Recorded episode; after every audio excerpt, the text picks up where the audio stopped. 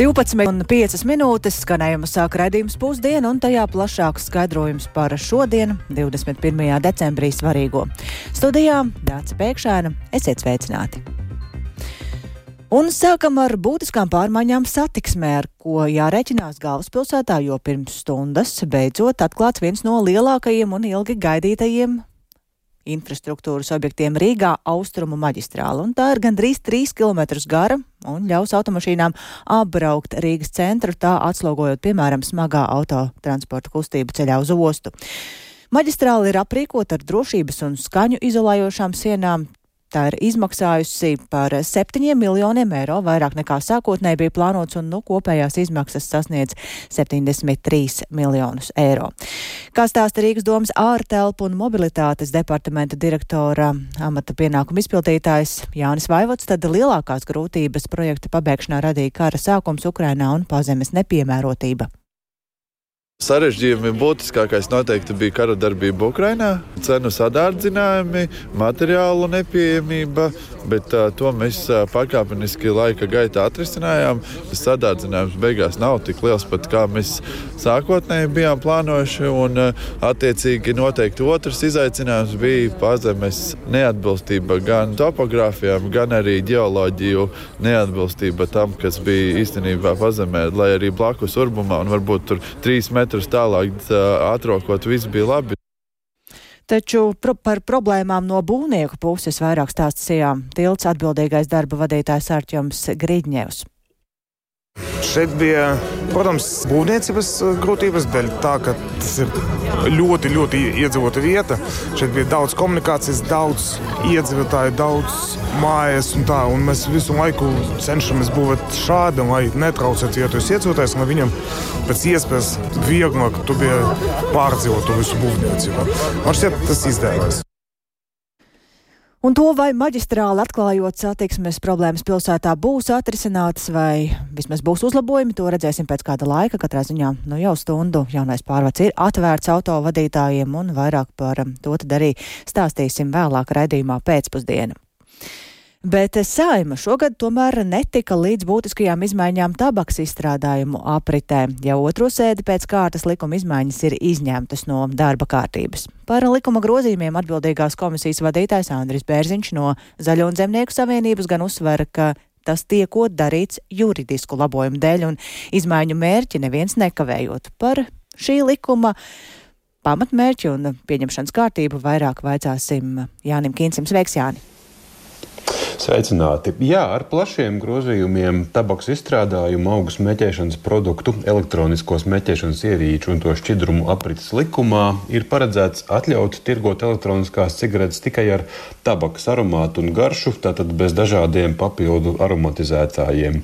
Likuma grozījumi paredz arī no 18 līdz 20 gadiem celt vecumu, kurā varēs iegādāties uh, jebkāda veida tabakas izstrādājumus.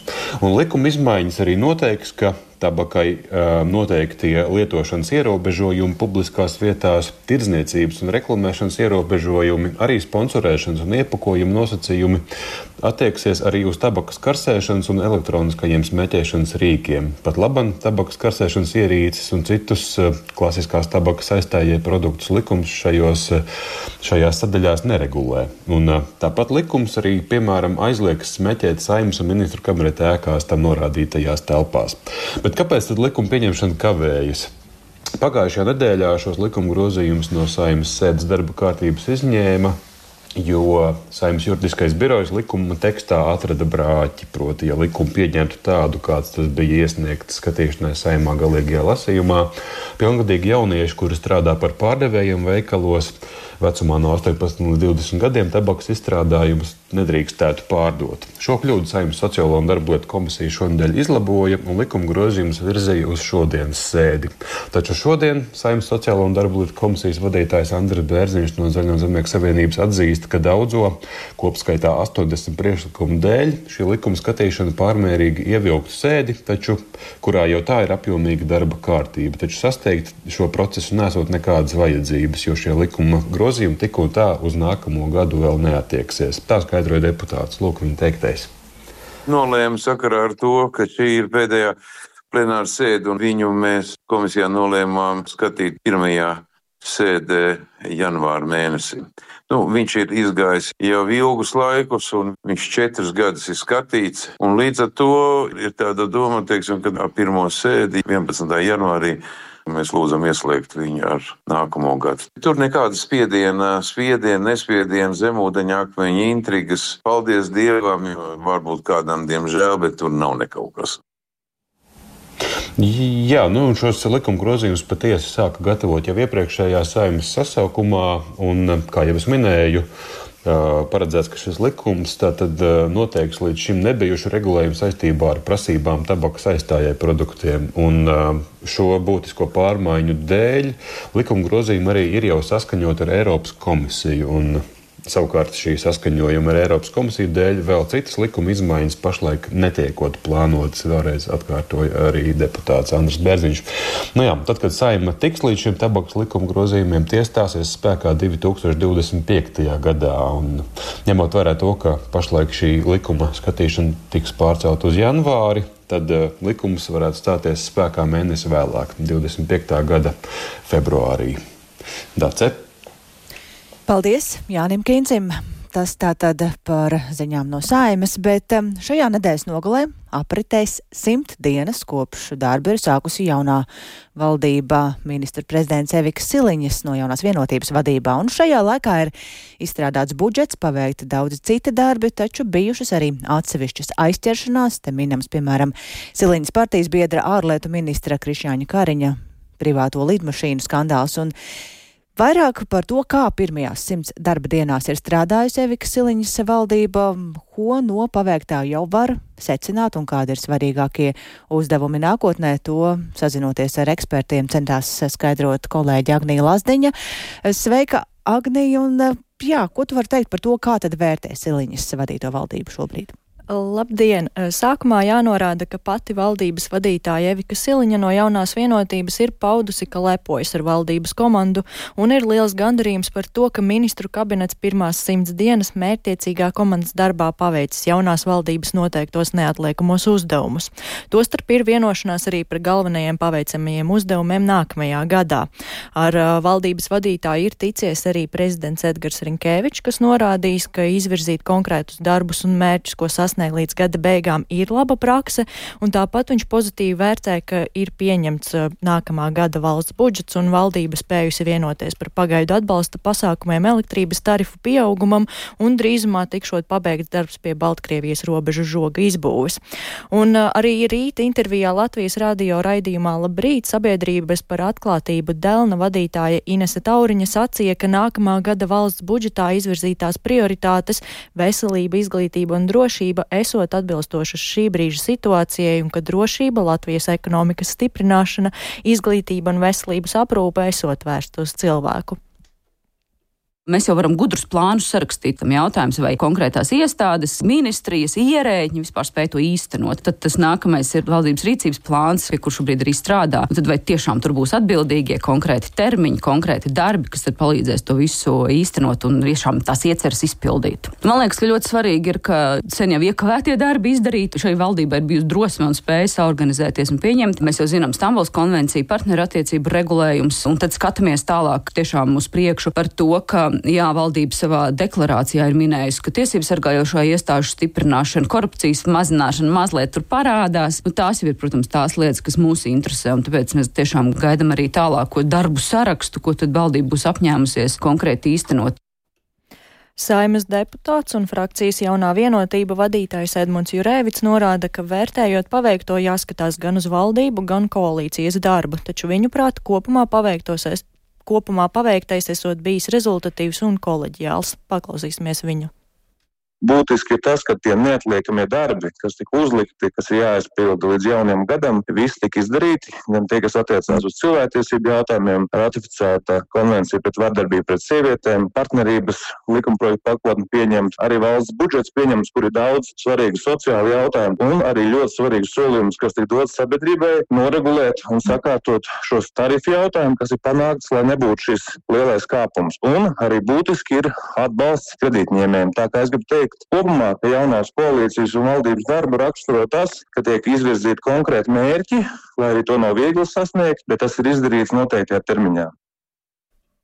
Savukārt politologs un Latvijas Universitātes sociālo zinātņu fakultātes dekāns Jānis Ikstens stāsta, ka Siliņas valdībai ir izdevies pieņemt dažus likumprojektus, kas ir neviennozīmīgi vērtēti sabiedrībā, tostarp arī koalīcijas iekšēnē radījuši kaut kādu domu dažādību, kā piemēram Stambulas konvencija vai partnerības regulējums, un, ka, un kas esot būtiski, šie normatīvie akti ir pieņemti spējot saturēt kopā valdošo koalīciju, ko var atzinīgi vērtēt no politikas vadīšanas viedokļa. Tā norāda Ikstens?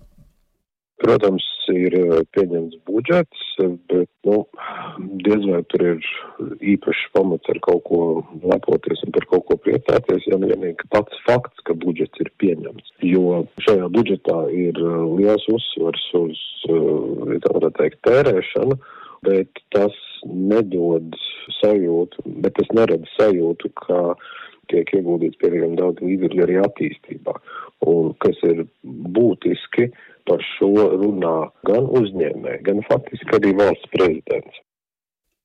Kā svarīgākos darbus, kas nākamgad valdībai ir jāsakārto un jāpaveic politologs kā primāro, ņemot vērā, ka drošība pašsaprotam ir pats pats svarīgākais un stāv pāri tam, min izglītības nozares nomierināšanu un atbalstīšanu. Bet uh, par citu ekspertu viedokļiem un to, vai šī valdība veiksmīgi pārdzīvos arī nākamo gadu, to tad klausieties programmā pēcpusdiena. Paldies par šo viedokļu apkopojumu kolēģei Agnijai Lazdiņai. Un uh, Ļoti dažādi turpinās arī mūsu palīdzība kara pārņemtajai Ukrainai, un viens no veidiem, kā to darām, ir ārstējot karā smagi cietušos Ukrainas karavīrus. Tas tiek darīts kopš, kopš pagājušā gada augusta, un šodien ir devītā reize, kad uzņemam Krievijas sāktajā karā smagi ievainotos Ukrainas karavīrus, un daļa no viņiem ārstēsies Austrums slimnīcā, daļa atkarībā no traumu specifikas dosies uz citām Latvijas ārstniecības iestādēm. Šodien viņus sagaidīt bija devusies arī kolēģe Zane Eniņa. Sveika, Zane! Klausītāji, jā, es joprojām atrodos Austrum slimnīcā, kur pirms neilga laika ieradās liels pasažieru autobus, eh, kas atveda 13 smagi ievainotus Ukraiņu karavīrus šī ir tik tiešām jau devītā reize, kad ar labdarības projekta MTL organizēto palīdzības autobusu. Zane, atvaino, Zane, atvaino. Mēs mazliet šobrīd pārtrauksim sarunu ar tevi sliktās kvalitātes dēļ. Mēs mēģināsim citā veidā ar tevi sazināties, lai vairāk uzzinātu, kāda tad ir tā palīdzība, ko mēs sniedzam Ukraiņu karavīriem kuri šobrīd, tātad, kad dzirdējām tikko no Zānes, ka 13 eh, Ukraiņu karavīri smagi ievainotie ir ieradušies Latvijā, lai mēs varētu palīdzēt viņiem ārstējot. Zvane, sveiki, mēs esam atjaunojuši sakars ar tevi. Tu vari turpināt. Jā, iebrauc uh, Austrum slimnīcas, pie Austrum slimnīcas piebrauca liels pasažieru autobus uh, pirms kāda laika, kas pielāgots uh, pacientu pārvadāšanai un ar to tika atvesti 13 smagi ievainoti ukraiņu karavīri. Šeit slimnīcā viņus sagaidīja mm, ārsti, vesela ārstu komanda un palīgpersonāla komanda eh, kas palīdzēja katram no viņiem iekļūt slimnīcā. Dažs varēja ienākt pats ar savām kājām, cits eh, balstījās uz kruķiem, jo mm, kādam trūka kājas, uh, citus veda uz riteņgultām, tie, kas paši nevarēja paiet. Karavīri bija mērojuši garu ceļu, visi piekusuši, tāpēc vispirms tika paēdināti, pēc tam viņiem veiks analīzes un uh, tālāk jau sašķiros, uh, lai saprastu, kādas kuram ir traumas un uz kuru, ār, un uz kuru ārstniecības iestādi kurš ir jāved. Bet kas šobrīd ir zināms, jā, kas tie ir par ievainojumiem, un vai šobrīd jau var kaut ko pateikt par to, cik ilgi šie karavīri ārstēsies pie mums? Nu, ir zināms tas, ka visi karavīri ir tikuši smagi ieva, ievainoti, bet, protams, ka viņus neved uh, tiešā ceļā no frontes, jo, kā teica ārste, kura pavada šos karavīrus šajā garajā, garajā ceļā, ka nu, pats svaigi ievainoti cilvēki tādu ceļu neizturētu. Viņi jau ir apārstēti Ukraiņas slimnīcās, un šeit viņi ierodas uh, uz tālākiem izmeklējumiem, lai saprastu, kādas operācijas viņiem tālāk ir nepieciešamas. Mm, iepriekš arī ir zināms, ka šurp ved tādus uh, karavīrus ar tādiem ievainojumiem, kuru ārstēšanā Latvijai ir ļoti liela un laba pieredze. Piemēram, tā ir mikroķirurģija, tāpat arī rehabilitācija ir tās jomas, kurās šiem cilvēkiem var sniegt palīdzību. Un tas laika posms, kas paiet no šāda karavīra sagatavošanas līdz eh, brīdim, kad viņš nonāk šeit, ir apmēram mēnesi garš, ietverot gan dokumentu sagatavošanu, gan arī iepriekšējos izmeklējumus. Un to, cik ilgi kuram te būs jāārstējas, to pašlaik nav iespējams pateikt. Mums bija iespēja parunāt ar vienu uh, karavīru, kurš šeit ārstējas jau vairākus mēnešus. Viņam ir daudz dažādu ievainojumu, un viņa ārstēšana vēl turpināsies. Zana, vēl vai Tu vari pastāstīt nedaudz par to, kā šos karavīrus uztver slimnīcas darbinieki, kā viņi pieņem viņus.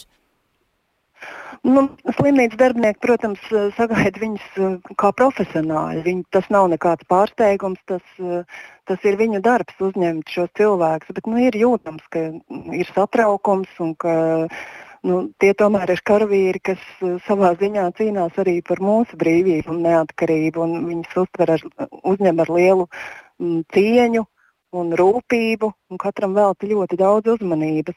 Bet uh, vēl piebildīšu, ka autobus, uh, kas šurp atgādāja šos 13 cilvēkus, jau drīz uh, dosies atceļā, un tas nebūs tukšs. Tas vedīs atpakaļ uz Ukrajinu. Uh, gandrīz 20 uh, šeit jau izārstētos Ukrāņu karavīrus. Dace? Paldies Zanai Eniņai. Tātad 13 smagi ievainotie Ukraiņu karavīri ir ieradušies Latvijā šobrīd ārstēties, un eh, par to vairāk mums stāstīja Zāne Eniņa.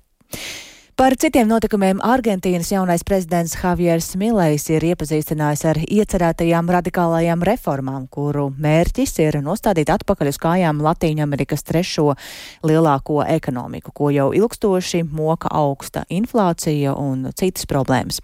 Milejs uzstāja, ka tās ir rūktas zāles, ko Argentīnas iedzīvotājiem vajadzēs norīt, lai varētu sagaidīt labākus laikus, taču valstī jau ir notikuši protesti pret prezidenta lēmumiem.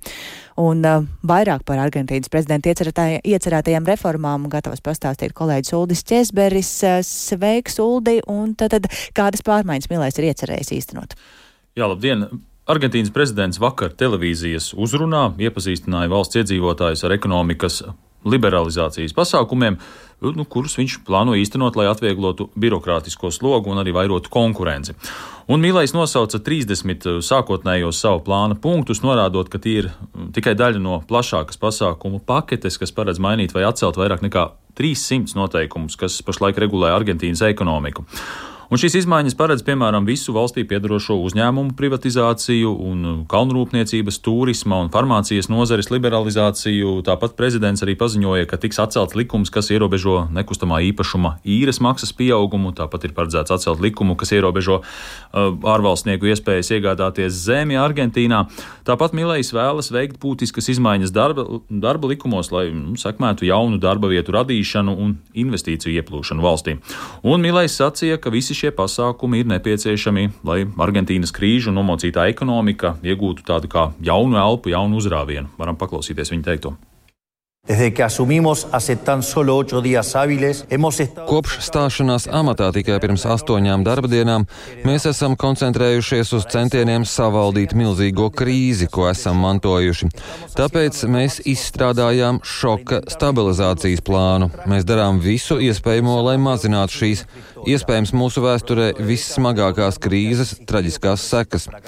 Tā ir rezultāts iepriekšējo valdību desmit gadiem ilgiem centieniem uzstāt uz nepareizajām receptēm. Mūsu valsts devās pretī 150% lielai gada inflācijai, tāpēc ir steidzami jāmaina kurs, lai izvairītos no katastrofas. Šīs izmaiņas sākas šodien. Ese cambio comienza hoy. Jauna Milais ar savu plānu iepazīstināja nedēļu pēc tam, kad viņa valdība nolēma uh, dramatiski samazināt budžeta izdevumus, kā arī uh, devalvēt nacionālo valūtu peso par 54% pret ASV dolāru. Valdība arī samazinās subsīdijas enerģijai un transportam, kā arī slēgs atsevišķas ministrijas. No akciju tirgi un investori līdz šim ir atzinīgi novērtējuši Argentīnas ekonomikas tās dēvēto šoka terapiju, jo valsts obligāciju cena ir sasniegusi augstāko līmeni pēdējo divu gadu laikā. Kā uz šīm reformām izmaiņām ir reaģējuši Argentīnas iedzīvotāji. Jā, vakar galvaspilsētā Buenos Airesā izgāja tūkstošiem cilvēku, lai protestētu. Demonstrācijas organizatori arī mudināja arotbiedrības rīkot ģenerālstreiku, lai pretotos valdības plāniem. E, nu, jāsaka, ka argentīnieši ir pieraduši pie valsts sniegtajiem pabalstiem un atvieglojumiem, tāpēc e, subsīdiju samazināšanu degvielai un transportam, kā arī, piemēram, dzīvokļu īres cenu paaugstināšanu visvairāk izjutīs tieši ierintas iedzīvotāji, no kuriem jau daudzi pašlaik nevar savilkt īsti jostas, jo aptuveni 40 40% no valsts 46 miljoniem iedzīvotāju dzīvo zem nabadzības sliekšņa. Nu, pagaidām gan nav skaidrs, vai vispār šīs visas milēja ieceres varēs īstenoties, jo tās vēl tur notiks arī apspriešana.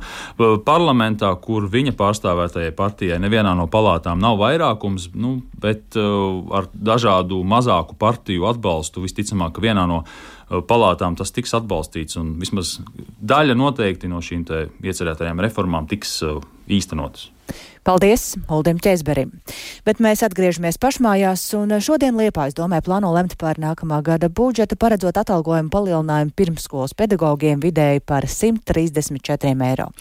Ir meklēti veidi, kā palielināt algu ne tikai pedagogiem, samazinot viņiem slodzi, bet lai atrastos finansējums arī tehniskajiem darbiniekiem. Un plānojot iestādes resursus un darba laiku, pašvaldības deputāti lielākas pilnvaras paredz katras izglītības iestādes vadītājam. Vairāk par to paklausīsimies Ingas Ozols ierakstā.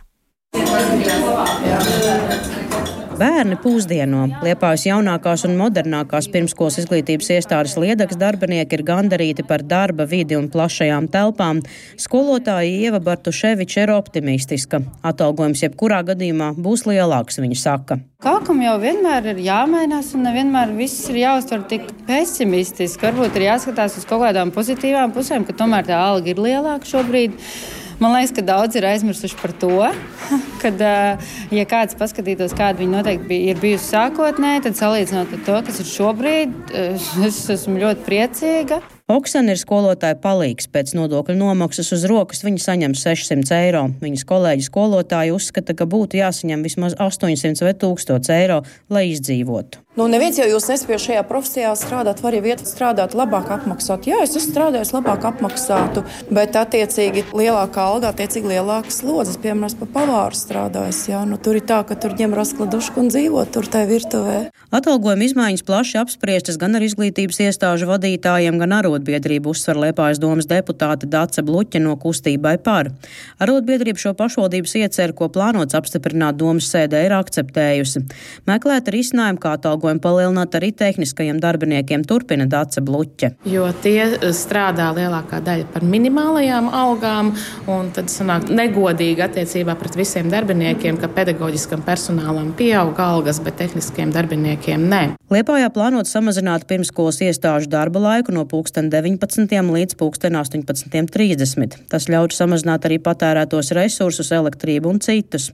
Bērnu dārzos lielāko daļu bērnu izņem no 5 līdz 6 vakarā. Turpina Dāca Bluķa. Tad ir vai nu nepaliek neviens bērns līdz tiem septiņiem, vai tie ir daži, viens, divi atsevišķos dārziņos. Visi direktori piekrita, ka var par pusstundu darba laiku samazināt. Izglītības pārvaldes vadītājs pienākumu izpildītāja Inga Ekuze gan uzsver, ka bērni bez pieskatīšanas nepaliks, tiks meklēti labākie risinājumi. Tas noteikti nenozīmē to, ka bērndārs durvis būs ciet. Jebkurā gadījumā dežūru momentu būs iespējami. Liepājas valsts pilsētas domas priekšsēdētājs Gunārs Anziņš no Liepājas partijas uzsver, ka šajā atalgojuma modelī tieši iestāžu vadītājiem būs iespēja lemt par pieejamo resursu sadali, plānojot gan tehnisko darbinieku atalgojumu, gan citus izdevumus. Budžeta ietvaros pirmskolas vadītāji varēs paši izlemt, kā labāk šo finansējumu sadalīt. Valsts pieņēma lēmumu par algu palielinājumu, bet finansiālais sloks ir uz pašvaldības pleciem, tāpēc nācās visiem kopā meklēt risinājumus.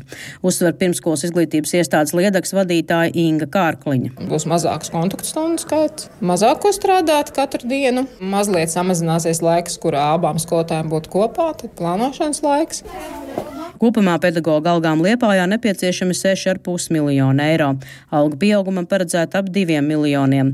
Liepā izglītībai paredz 38,4% no pašvaldības kopējā budžeta. Liepājā uzturēšanas budžetu vienmēr apstiprina decembrī, bet nākamā gada martā tiek veikti budžeta grozējumi. Plānotais Liepājas pašvaldības budžets ir gandrīz 115 miljoni eiro. Ingo Zola, Latvijas radio Kurzemē. Ar to arī skan raidījums pusdiena. Uz tikšanos atkal rīt. Yeah.